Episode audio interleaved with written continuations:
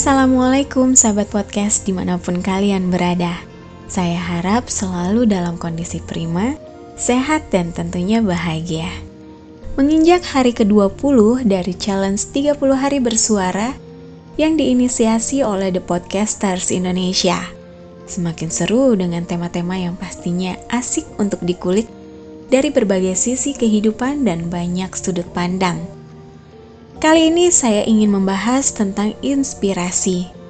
Inspirasi bisa diartikan sebagai percikan ide-ide kreatif yang muncul dengan sendirinya atau dengan cara mengamati dan melakukan sesuatu di tempat khusus tertentu yang terkadang waktu dan tempatnya jarang kita kenali. Inspirasi ini bisa kita dapatkan kapan pun dan di mana pun Kadang tanpa sengaja pun kita tiba-tiba mendapat sebuah inspirasi berupa sebuah ide yang kreatif. Dengan kata lain, kita tidak tahu kapan inspirasi muncul. Karena bisa aja inspirasi datang pada kegiatan tertentu. Inspirasi juga sering datang dari seseorang yang telah meraih sukses, sehingga banyak memberikan ilham untuk orang lain. Di PT Telkom sendiri ada sebuah kegiatan Expert Insight yang merupakan sebuah program knowledge sharing dalam bentuk seri webinar yang diselenggarakan oleh Telkom Corporate University for Indonesia Learning Community. Setiap minggunya, berbagai pembicara dengan kekhususannya masing-masing menyempatkan diri untuk berbagi ilmu dengan audiens yang tidak hanya berasal dari Telkom Group, tetapi juga dari instansi publik seperti BUMN, pemerintah, swasta, mahasiswa, komunitas belajar, dan lain-lain. Setiap minggunya akan diisi oleh pembicara-pembicara yang ahli di bidangnya. Dan berbagai inspirasi dan pengalaman dari awal berkarir mereka hingga sukses seperti sekarang. Dan expert insight ini banyak sekali memberi motivasi dan ilmu kesuksesan bagi para audiens yang kebanyakan masih dalam tahap membangun jati diri berkarir dan menentukan langkah sukses. Tidak jarang dari pembicara ini bukan dari kalangan keluarga yang mampu loh sahabat. Atau bahkan bukan dari kalangan keluarga yang berpendidikan tinggi, tapi dengan kemauan yang keras dan pantang menyerah, mereka berhasil mencapai di titik sukses karir mereka.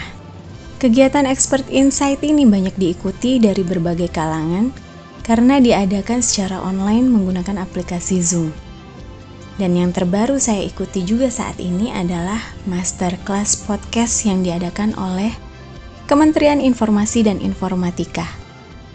Bekerja sama dengan Cyber Kreasi, Google Podcast, Kreator Nongkrong, dan Pabrik Suara Rakyat. Kegiatan ini banyak sekali memberikan kesempatan bagi kami yang pernah bercita-cita menjadi penyiar radio atau hanya ingin sekedar berbicara di depan halayak, tapi tentunya dengan langkah-langkah yang lebih terstruktur. Seringkali kita hanya mendengarkan isi podcast orang yang ada di Spotify atau platform pendukung lainnya. Tapi tidak pernah terfikirkan bahwa ternyata kita pun bisa membuat sebuah konten kreator. Nah, kelas yang diadakan ini banyak sekali memberikan inspirasi positif dan berbagi banyak ilmu dan pengalaman para master podcast tanah air. Dan saya rasa di bidang lain pun banyak sekali kegiatan berbagi inspirasi seperti Expert Insight dan Masterclass Podcast ini.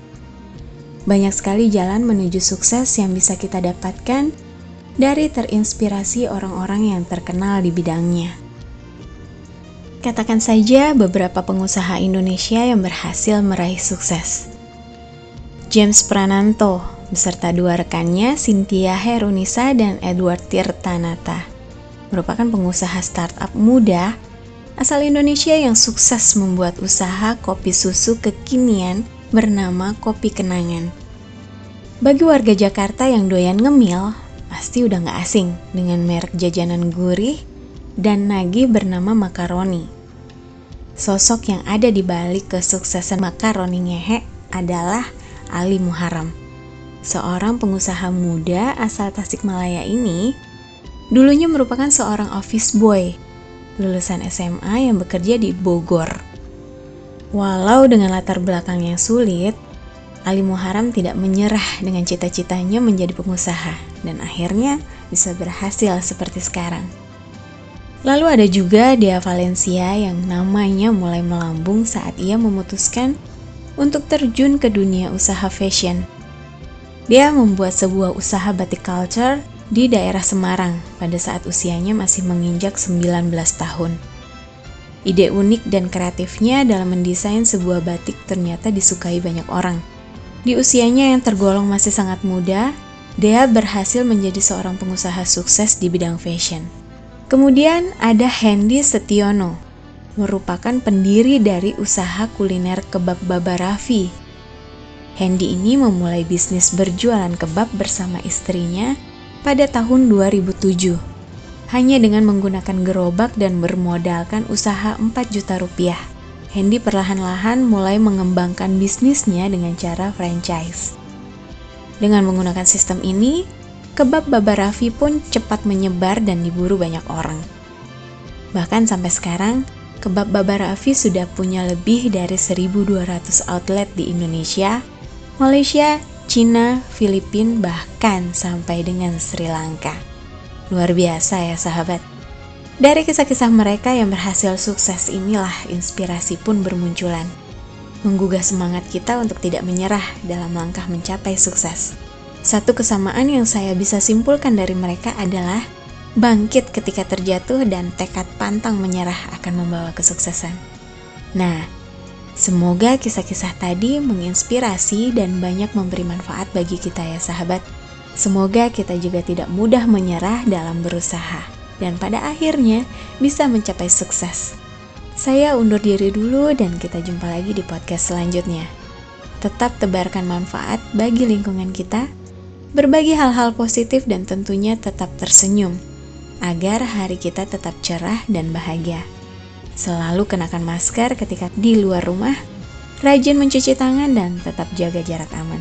Wassalamualaikum warahmatullahi wabarakatuh.